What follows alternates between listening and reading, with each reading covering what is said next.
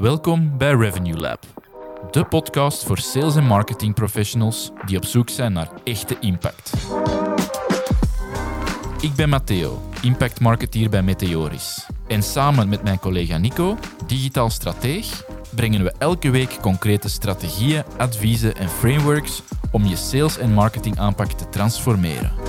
Op basis van inzichten uit meer dan 100 cases maken we van jouw organisatie een niet te stoppen marketingmachine. Welkom in ons labo. Oké Nico, leuk dat we hier weer zijn voor een nieuwe aflevering van Revenue Lab. Alles goed? Zeer goed. We gaan er wel vandaag weer de herhaling moeten doen, want uh, jij hebt... Uh, Veronica heeft de preview gehad van een deel van het gesprek van vandaag. Ja, inderdaad. Nee? Was, Misschien uh, moet je daar eerst iets over uitleggen. Ja, uitleggen. Uh, ik, uh, ik had de eer om uitgenodigd te zijn bij de Marketing Memo podcast van ah. Veronica Zonova. bij Glende Wilde, of in de studio van Glende Wilde van maakenpodcast.be. het was een heel leuk en tof gesprek, ook een heel leuke, toffe dame. en we hebben inderdaad op de meteoris score en het effect van branding of brand impact ingezoomd. En dat was gewoon super tof om, uh, om te doen. Ik ben hier onze studio gewoond, is daar nog een uh, niveau hoger wel uh, dat ze hebben geschakeld. maar het was een leuk gesprek het is ook al beschikbaar, dus op Spotify en YouTube. En je zult het wel vinden als je het wilt vinden. Ehm, dus ja, moest nog ergens een uurtje over hebben in de, in de auto of eender, eender waard, dan is dat wel, wel eens leuker om te checken. Kun je ja. in detail onze visie over de meteoriscore en brand impact ontdekken. Dus, uh, Veronica was ook op die vind, denk ik. Hè? Ja, inderdaad, ja. inderdaad. Op de eerste rij zelfs. Uh, mm. En binnenkort gaan we haar ook voor, uh, voor onze Crash Course podcast ah, eens een keer uitnodigen. Uh, dus dan kunnen we nog een beetje verder babbelen. Gaat plezant zijn. Alright, dus jij gaat vandaag een klein beetje moeten herhalen voor sommigen die de podcast Geen probleem. Je moet ja. tot zeven keer herhalen voor het blijft plakken. Dus, um, topic van vandaag is um, go-to-market strategie. Um, waarin dat wij een paar thema's zien. Um, ik denk dat we misschien niet te veel moeten teasen, maar er gewoon kunnen invliegen. Uh, hoe organiseerde nu een efficiënte go-to-market strategie? Ja, uh, eigenlijk de, uh, in de Meteoriscore de derde pijler, denk ik. Ja. dus we zijn, voor afleveringen zijn we ingegaan op merk-DNA. Wat houdt dat in en hoe toetst dat af intern?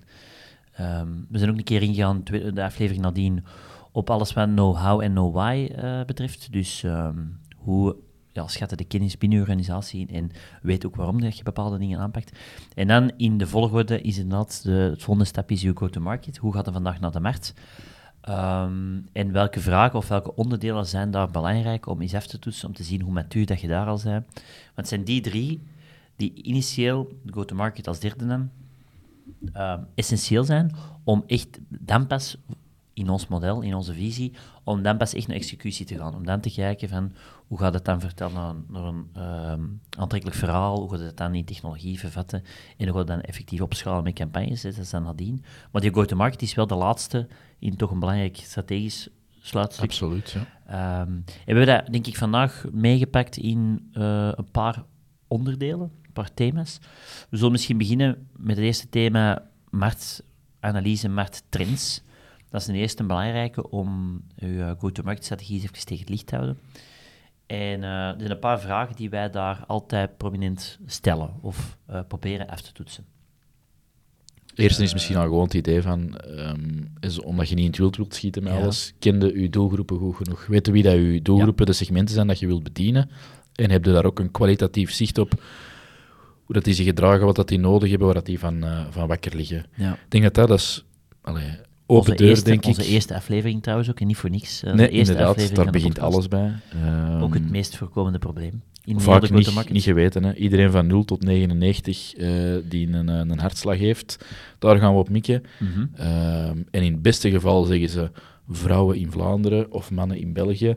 Um, maar ja, zo, je moet eigenlijk nog dieper gaan en nog diepgaander weten Um, waar werken die? Wat zijn de functietitels? Uh, um, welke oplossingen gebruiken zij vandaag? Welke, naar welke oplossingen kijken ze in de toekomst? Of wat zou u nog beter kunnen helpen in de toekomst?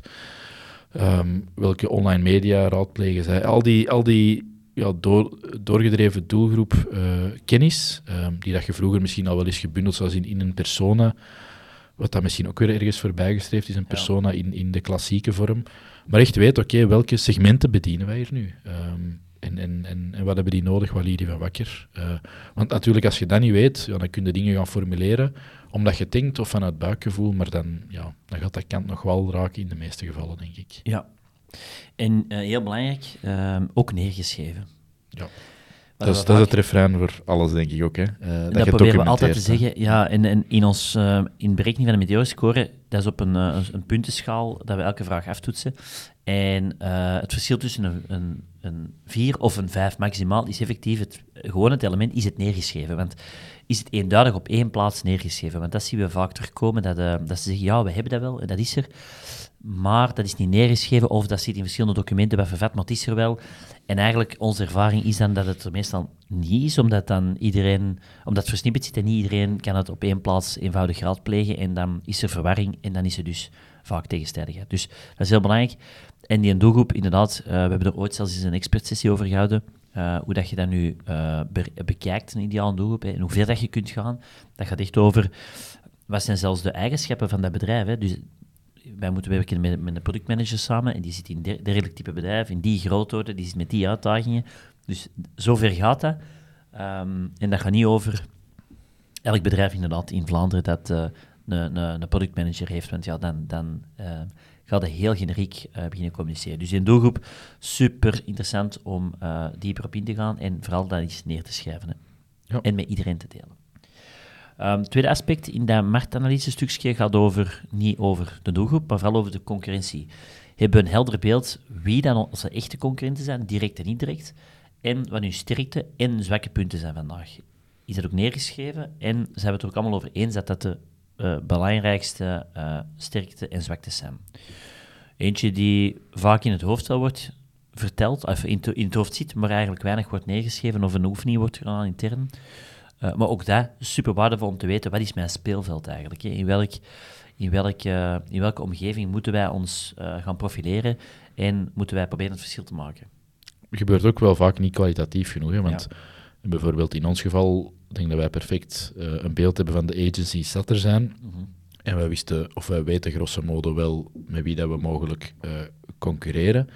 Um, maar daar kan nog een verschil op zitten tussen de grote namen, de heel zichtbare namen, en degene waar je feitelijk mee concurreert. Dus het mag ook niet gebaseerd zijn op, ah, uh, dat, dat zijn de agencies of dat zijn de concurrenten. Dus dat zijn effectief de concurrenten waarmee dat we in strijd liggen, om het zo maar te zeggen. Er gaat ergens een subset daarvan zijn die dat, die dat effectief vaker terugkomt. En die realistisch gezien waarschijnlijk misschien kleiner is dan dat jij denkt, of regionaler dan dat jij denkt. Dus ja. ja het is realistischer om daar naar te gaan kijken. Um, voor, voor, dit onderdeeltje dan gewoon te weten, wij weten wie dat de tien spelers zijn dat gelijkaardige diensten aanbieden. Effectief. Waar concurreerde nu echt, echt mee? mee En ook die indirecte concurrenten dan, hè, daarbij nemen. Ja. Van, uh, je denkt misschien, of je, je, hebt de concurrentie van een, van een deel van de markt die je, waar je niet aan denkt, bijvoorbeeld. Hè. Um, ik denk dat we in de afgelopen, ooit eens in een aflevering uh, het voorbeeldje van, van de vastgoedwereld hebben gebruikt. Dat uh, heel weinig, bijvoorbeeld um, makelaars, ImoWeb of Simo of Flan als een concurrent aanduiden. Dat is nu een heel concreet voorbeeld, maar uh, niks houdt ImoWeb vandaag tegen om uh, services aan te gaan aanbieden dat een makelaar bijvoorbeeld vandaag oppakt. Hè. En die hebben zo'n uh, marktdominantie in die listings, dat, uh, ja, dat die morgen wel eens ineens met een offering kunnen komen die die, die makelaars eigenlijk sterk uit evenwicht kan brengen. En staan we daarmee stil. Hè. Ze hebben aan het kijken naar concurrenten die eraan komen, want die vandaag misschien nog niet 100% op ons spoor zitten, maar die wel dat spoor vrij snel kunnen innemen. En wat is onze reactie daar dan op bijvoorbeeld? Ik ga nu al wat verder, maar erover nadenken is wel belangrijk, want daar gaat ook uw eigen go-to-market op, op, uh, op aansturen. Hè. Het gaat nog verder in dat voorbeeld. Als je vastgoed ziet als een investering, dan concurreer je ook met de investeringsproducten. Ja. Dus dan is dat aandelen, obligaties, crypto en dan kan het veel verder gaan. En dan moet je misschien niet in je taal de concurrentie aangaan met de andere aanbieders van bakstenen, maar dan moet je misschien ook awareness-campagnes of campagnes hebben lopen waarin dat je je oplossing afzet tegenover die andere aanbieders van financiële producten. Helemaal. Dus niet te eng kijken. Je moet ook niet breed trekken om breed te trekken als, als de concurrentie van uh, substituten beperkt is. Eh, dat, dat kan, maar we geven gewoon even heel het beeld mee. Um, ja, dan moeten daar ook niet het zotsen op inzetten of de, de zotte acties in gaan doen. Maar probeer daar eens even met een open blik te kijken van oké, okay, uh, zijn we als het niet ons is, welke concurrenten effectief in onze rechtstreekse sfeer, welke mm. indirecte en welke substituten zijn er. dat ook wel allee, één op één uh, ervoor kunnen zorgen dat ons marktaandeel kleiner wordt. Um, of dat we minder omzet kunnen, kunnen doen. Ja, belangrijk onderdeel wordt ook weinig gedaan in dat marktstukje. Um, en dan misschien nog een derde luik. Uh, allee, eigenlijk zijn er misschien vier wel binnen dat marktsegment. Uh, derde luik binnen de, die marktanalyse of markttrends uh, is voor mij alles wat dat um, eigenlijk te maken heeft met hoe flexibel zijn we om op marktevoluties te gaan reageren of in te spelen. Dat is niet zo'n eenvoudige vraag om te beantwoorden, maar ik uh, denk dat dat wel nuttig is om, om daarbij bij stil te staan. Zijn we vandaag zo georganiseerd als morgen een nieuwe speler ineens opduikt in de markt, dat we flexibel onze go-to-market strategie kunnen gaan aanpassen? Of is dat echt een, een, een strategie die je vastgebeiteld ziet en waar dat we bij wijze van spreken op, op twee, drie maanden tijd geen beweging in krijgen of geen verandering in krijgen? Ik denk belangrijk om daar eens over na te denken om gewoon te beseffen van hoe kunnen we dat misschien in de toekomst wel zo gaan doen. Wat moeten we veranderen om ervoor te zorgen dat we flexibeler worden als er dingen veranderen? Want we zien dat alleen maar uh, nieuwe concurrenten sneller opkomen en verdwijnen en nieuwe uh, uh, opportuniteiten opduiken. Maar we moeten ons als bedrijf daar dan ook wel voor gaan organiseren. Dus probeer daar eens aan te kijken en nu eerlijk te challengen hoe flexibel zijn we vandaag als de markt vandaag zou veranderen. En, kunnen wij dat dan En dat is dan, dat is dan organiseren of georganiseerd zijn opwijzingen. Een ander ding is, zijn wij vandaag met ons team, als organisatie, proactief aan het kijken naar nieuwe opportuniteiten of nieuwe segmenten om aan te boren. Ja. Want je ziet heel vaak dat er gewoon jaren hetzelfde wordt gedaan, dat er ondertussen van alles is veranderd in de markt, concurrenten bijgekomen, nieuwe noden die zijn ontstaan. En, daar wordt dan niet genoeg... go-to-market voilà. Dus je hebt de voelsprieten in de markt en kun je ergens tijdig directeren, oké, er is iets interessant, om dan op, de, op, op het puntje waar Nico in te haken, kunnen wij dan ook binnen drie weken, binnen drie maanden, onze tanker bijsturen om op, om op die opportuniteiten in te spelen. En ook dit hè, kan eenvoudig uh, geïnitieerd worden. Je kunt bijvoorbeeld zeggen, oh, laat ons één keer per kwartaal een strategisch moment inbouwen, waar we eens even kijken, uitgezoomd naar de markt. Wat is de markt vandaag mee bezig? Wat zijn de nieuwe spelers die erbij komen? En hoe kunnen wij bijvoorbeeld daarop reageren? Hè? Welke strategie kunnen we daar uh, gaan op uh, loslaten om bijvoorbeeld die markt voor te blijven. Het zou wel een, een, eenvoudige manier zijn om er in ieder geval toch die voelspieten open te, of die voelspieten actief te hebben en ervoor te zorgen dat je wel daarmee bezig bent en dat je niet in slaap wordt gewicht en dat je, voordat je het weet, uh, een jaar of twee verder bent zonder dat je daarop hebt kunnen reageren en dat je dus eigenlijk in dat in die tanker zit. Ja, en dan nog een belangrijke afweging is hoe actueel zijn uw marktonderzoeksgegevens. Hè? Uh, dat is hangt er weer een beetje mee samen. Ja, dat is een beetje het laatste, vierde stuk misschien binnen marktanalyse. Ja, ben aan het kijken naar dingen, hoe dat ze vijf of tien jaar geleden waren, of heb je echt onderzoeksgegevens of data uh, om uw huidige strategie, uh, ja, hoe, hoe, zeg je dat, mee, met te rechtvaardigen. Um, heb je misschien zelf onderzoek opgezet, ze zelf actief onderzoek aan het doen of naar data aan het peilen. Hmm. Um, want wederom, ja, als je op basis van data van vijf jaar geleden, de wereld ziet er heel anders uit dan vijf jaar geleden natuurlijk. Ja, ja, ja. het is heel, denk ik, heel belangrijk dat je niet um, alle uw go-to-market beslissing of strategie opbouwt vanuit de meeting room, maar dat je toch probeert om uh, effectief naar, naar, naar, de field te gaan en te kijken van hoe kijken merken, hoe kijken um, klanten naar ons. En dat is denk ik een van de meest gemaakte fouten. En die vertaalslag dan maakt naar je go-to-market in plaats van echt vanuit die meeting room alleen maar een go-to-market strategie uit te tekenen. Dus dat is wat je zegt, echt die marktonderzoekdata gebruiken. En dat klinkt zwaar, maar dat kan even goed die bevragingen zijn waar we het heel veel over hebben. Met klanten in gesprek komen, met prospecten praten en dat gaan vertalen naar een slimme go-to-market strategie. Hebben we dat vandaag in place of hebben we dat totaal niet in place? Dus dat is uh, een belangrijke daar. Ja. Dat was segmentje 1, markt. marktanalyse. Ja? Oké. Um, tweede stuk, dat gaat misschien meer over uh, hoe positioneren we ons vandaag en wat is onze prijsstrategie daar. Uh, de vraag die we daar vaak stellen, of dat eigenlijk het hele team een, een perfect beeld heeft over onze, laten we zeggen, onze propositie naar de verschillende segmenten in de markt. Eén, is dat duidelijk? Is dat onderscheidend? Hè? Uh, is dat ook iets wat we kunnen claimen? Met andere woorden, klopt die positionering naar die verschillende segmenten? Kennen we ze allemaal? Is ze neergeschreven? En hoe vertaalt dat zich naar de prijsstrategie? Hè? Hoe, uh, hoe, is onze prijsstrategie daar dan op gebaseerd?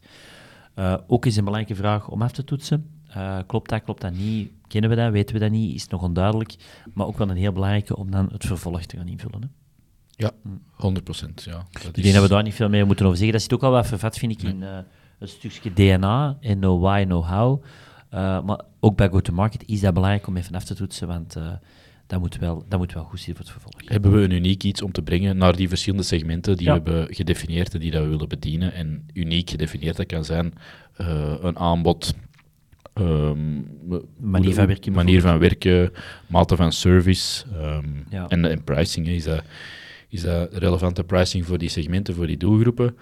Of hebben we, en dat is dan een beetje introspectie dat je dan moet doen, hebben we ons misschien te hoog geprijsd of zijn we te laag geprijsd? Uh, trekken we misschien heel veel mensen aan die dat we niet willen aantrekken vandaag, omdat we zo toegankelijk zijn? Dus dat zijn alle afwegingen dat je daar moet maken. Hè. Inderdaad, en ook aansluitend afwegen met um, uw uh, meritdna. Heel belangrijk om eens even te zien van oké, hoe dat we ons nu... Dat is eigenlijk die eerste, dat is een, een doorvertaling van uw meritdna.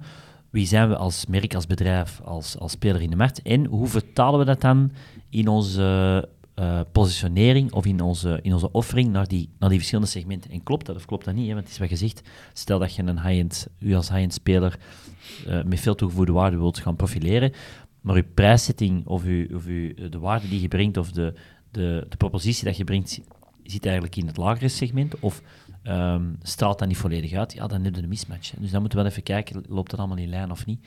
En waar zijn de tegenstrijdigheden die we er kunnen uithalen? Hey, Nico hier. Ik hoop dat deze aflevering je waardevol inzichten en inspiratie geeft om meer impact te maken.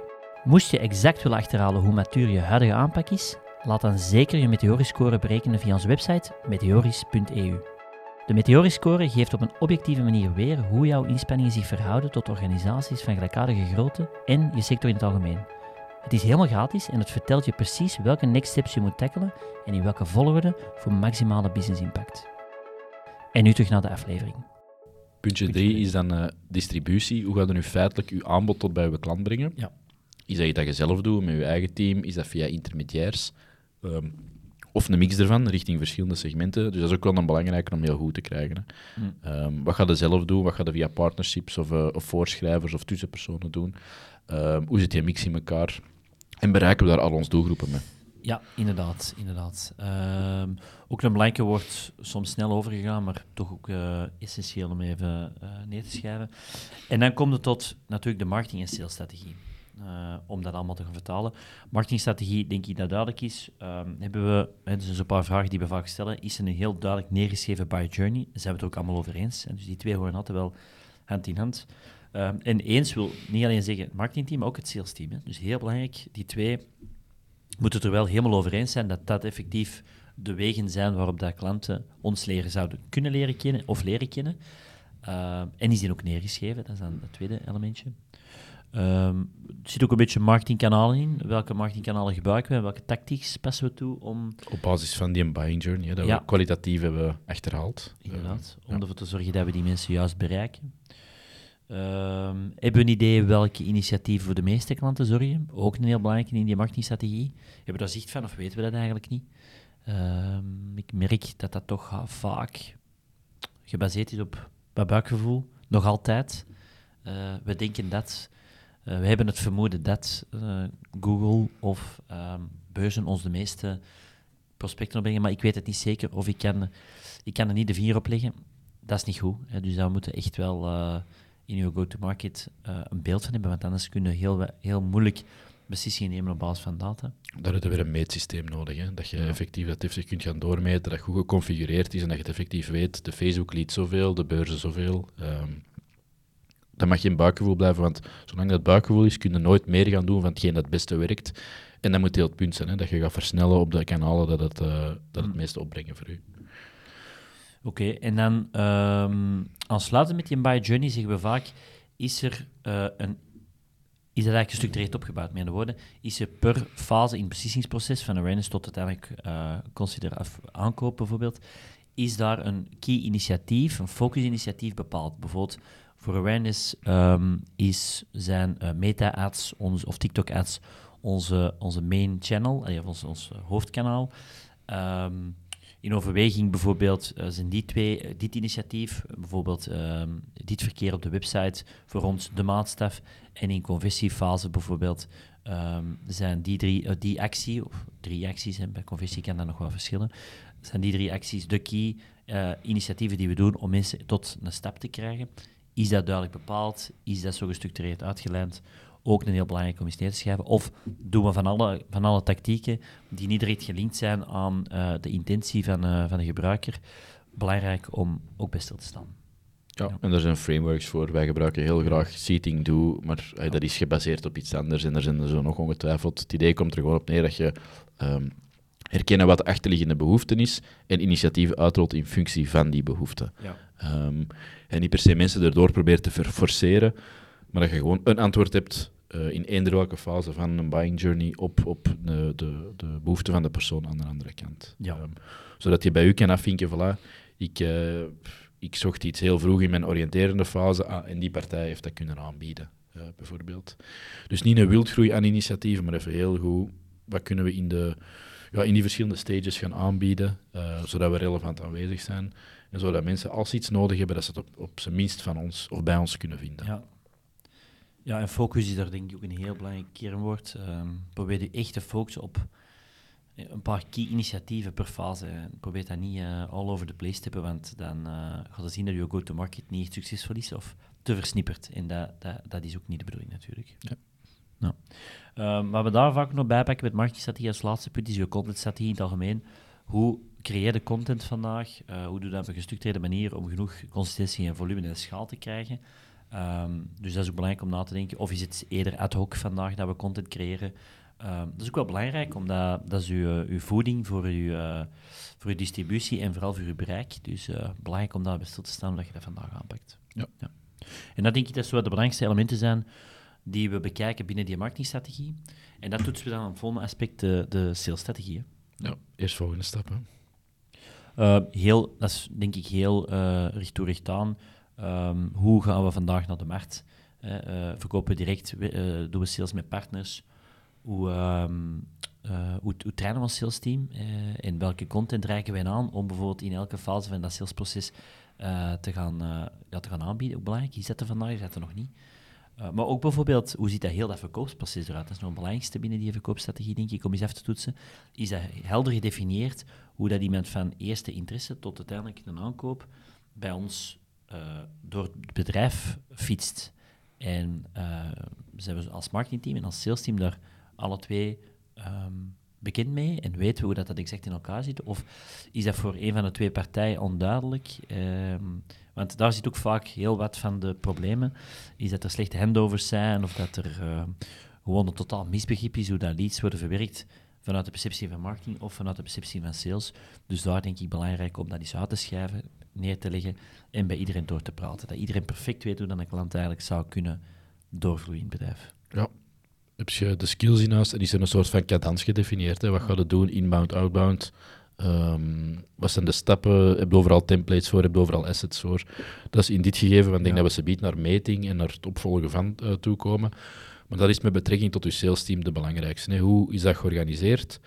Die moeten natuurlijk vrijheid hebben, maar hebben die alle tools dat ze nodig hebben om hun, uh, om hun ding te kunnen doen. Hè. En krijgen die ook ondersteuning van marketing, met materialen, met testimonials, met mm, cases. Uh, dat die op de juiste momenten kunnen toesturen en bezorgen. Er zat nu net een voorbeeldje in mijn hoofd van uh, vorige week, um, waar dat we inderdaad met een bedrijf door het volledige salesproces gingen, door hun pipeline eigenlijk in hun CRM, samen met het marketingteam. En dan zag je al direct, doordat je dat heel duidelijk uitspieten met, met, die, met die klant, van kijk, van eerste stage pipeline tot, tot verloren of, of um, gewonnen. Um, zijn dat de stappen die men doorloopt. En dat is de fase waar dat je prospect dan in zit. En dat is de, de noden die ze dan hebben. En dan zou je direct dat marketingteam opveren en zeggen van, ja, maar wacht, we hebben hier nog wat informatie liggen dat we op dat moment hè, beste sales um, zouden kunnen aanreiken om hen te helpen in de keuze, want we hebben nooit eens een vergelijking gemaakt. Oké, interessant. En dan zie je direct al dat daar wat meer kruisbestuiving komt en dat je elkaar versterkt om ervoor te zorgen dat je go-to-market efficiënter wordt, maar vooral ook succesvoller wordt. Hè. Dus door gewoon al dat eens door te praten, zie je dat er initiatieven langs de twee kanten ontstaan om een betere ervaring te geven en vooral ook uh, om de klant een betere keuze te laten maken. En daar gaat het dan uiteindelijk over. Ik zat van de week ook bij een salesmeeting voor uh, een financiële klant. Mhm. En uh, een van die salesmensen, de salesmanager, kwam mij zeggen...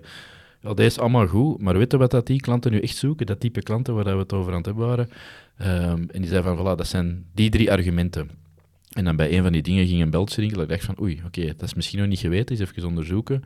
Maar er was een bepaalde targeting dat perfect op dat type klant, op dat type zoekers, uh, was toegespitst. Dus dat is weer die wisselwerking. Hij zei dat, en dat is door in die, mee in die sales meeting te zitten dat je er kon op inspelen. En je kon het ineens, de dag erna stond het op in de campagnes om eens te testen. Hmm. Of stond er een testcampagne op. Dus allee, dat, dat, dat kan niet dat dat als silo's, en allee, we zijn hier uh, wederom dat aan het herhalen, maar gewoon omdat we er echt in geloven dat de toekomst is, wisselwerking tussen.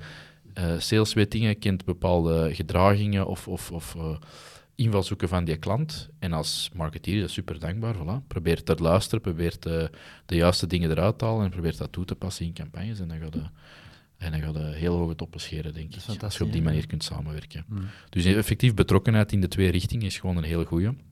Um, en probeert als marketing zoveel mogelijk ja, te, in te pieken op de relevante signalen dat je van sales krijgt. Hè. Oké, ehm, dat is denk ik wat dat verkoops, het verkoopstrategie betreft. Allee, grosso modo, er zijn nog uh, nuances, maar ik denk dat de belangrijkste wel vernoemd zijn. En dan uh, kunnen we naar meting en KPI's gaan.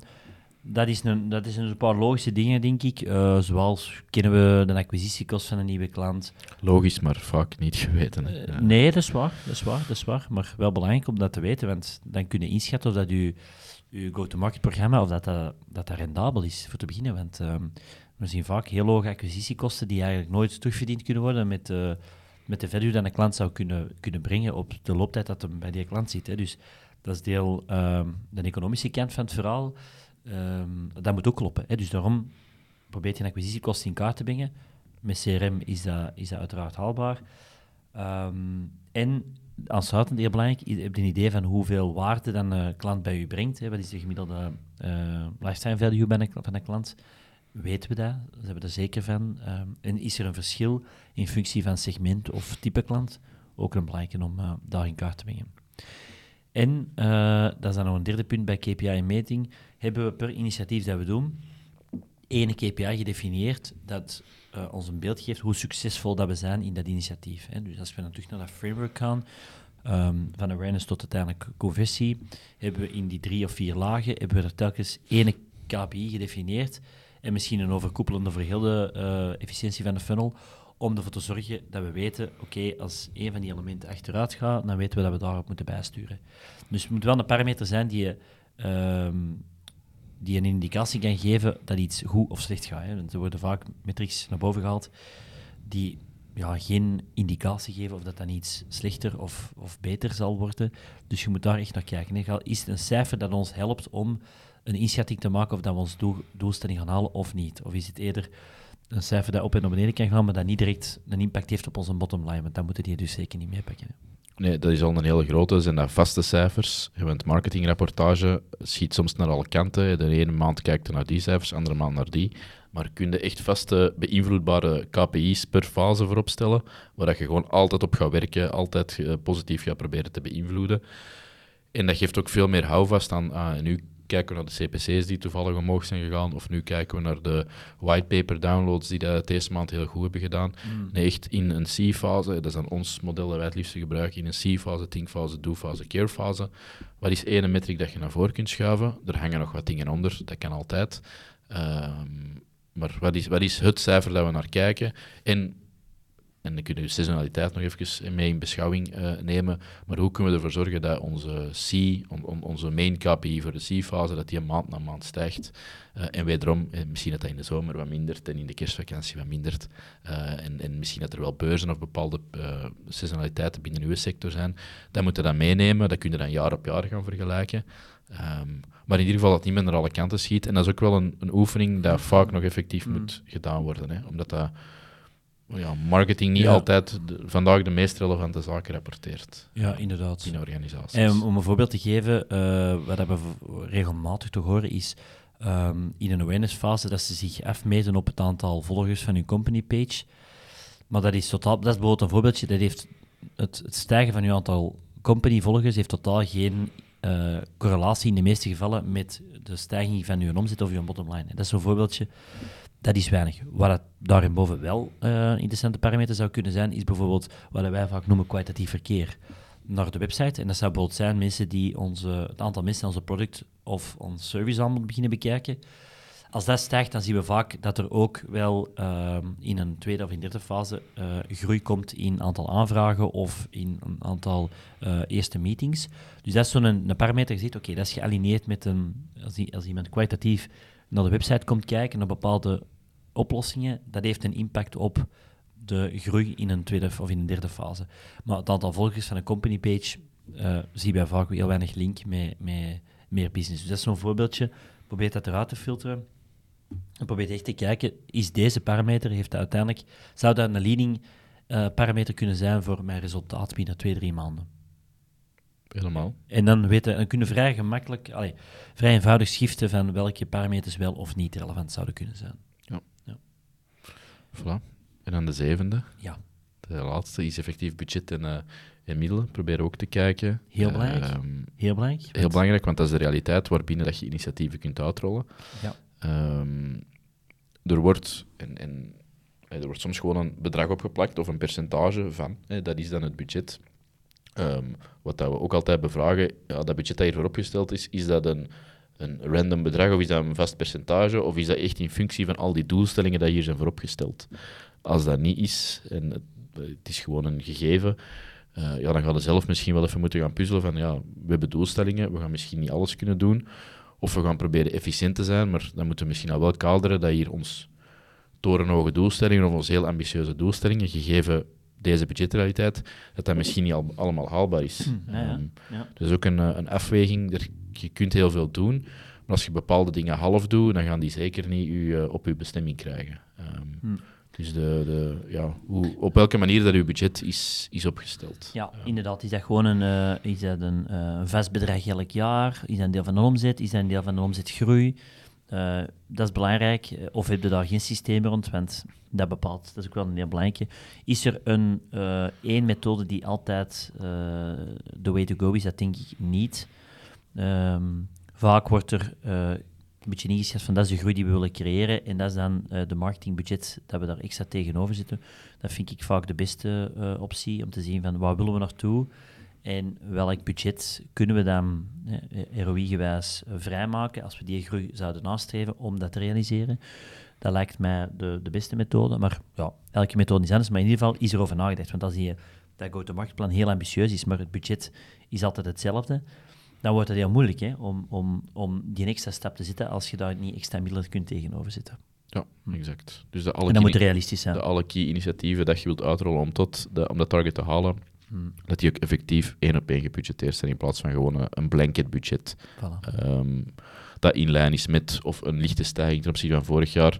Als heel uw strategie wijzigt, moet ook heel uw budget herbekeken worden natuurlijk. Oké. Okay. Voilà. voilà. Ik denk dat dat zo de voornaamste uh, go, go-to-market elementen zijn die wij aftoetsen en waar we dan een score proberen om te kleven. Um, naar aansluiting van de eerste twee. Dus ik denk dat we het hebben samengevat in een zevental thema's. Deeltje marktanalyse met een paar vragen die je kunt aftoetsen. Um, deeltje uw productpositionering eh, of servicepositionering en uw pricing dat daaraan gekoppeld is, heel belangrijk. Ja. Distributiekanalen, uh, hoe gaat die product of je service naar uw klant? En, en wat zijn daar de, uh, is dat allemaal eenduidig of moeten we daar nog wat bij sturen? Wat is dan volgens u uw, uw sales- en marketingplan? Dus eerst marketingplan, salesplan. Um, en dan hebben we het nog vooral nog gehad over ja, um, budget, uh, KPI, sorry, KPI's en meting, is, is dat op punt? En hebben we uh, onze budget en, en, middelen die we te beschikking hebben, zijn die realistisch, zijn die uh, conform de ambities. Hè? En dat je die thema's iets tegen licht hebt kunnen houden, dan denk ik, en je hebt daar een score op gemaakt, dan kunnen we de stap verder gaan naar de effectieve executie, de uitvoering, om ervoor te zorgen dat, uh, dat je dat plan of die doelen kunt, kunt realiseren. Voilà. voilà. um, ik hoop dat we toch een paar mensen hebben uh, kunnen laten nadenken, of in ieder geval toch even aan de tekeltafel hebben kunnen laten gaan. Zeker omdat dus de, de plannen voor volgend jaar er ongetwijfeld aankomen. Dus ideaal moment om de go-to-market nog eens even scherp te zetten en uh, met veel goesting naar, uh, naar 2024 te gaan. Moesten er nog vragen over zijn? Laat het ons weten. Stuur ons via LinkedIn of stuur uw vraag in via meteoris.eu. Dan komen we daar heel graag op terug. En indien niet, zien we jullie heel graag tijdens de volgende Review Lab. En dan gaan we in op het deeltje storytelling. Hoe ga je nu aan de slag, eens dat die go-to-market en dat DNA en die know-how know goed zit? Hoe gaat het dan aan de slag om dat in een, in een, in een sterk verhaallijn uit te werken en uh, dat uitwerken om dat op te schalen? Daar gaan we vooral op ingaan volgende dus aflevering. Zin in, zin in. Voilà. All right. Merci iedereen en tot de volgende Revenue Lab. Tot dan.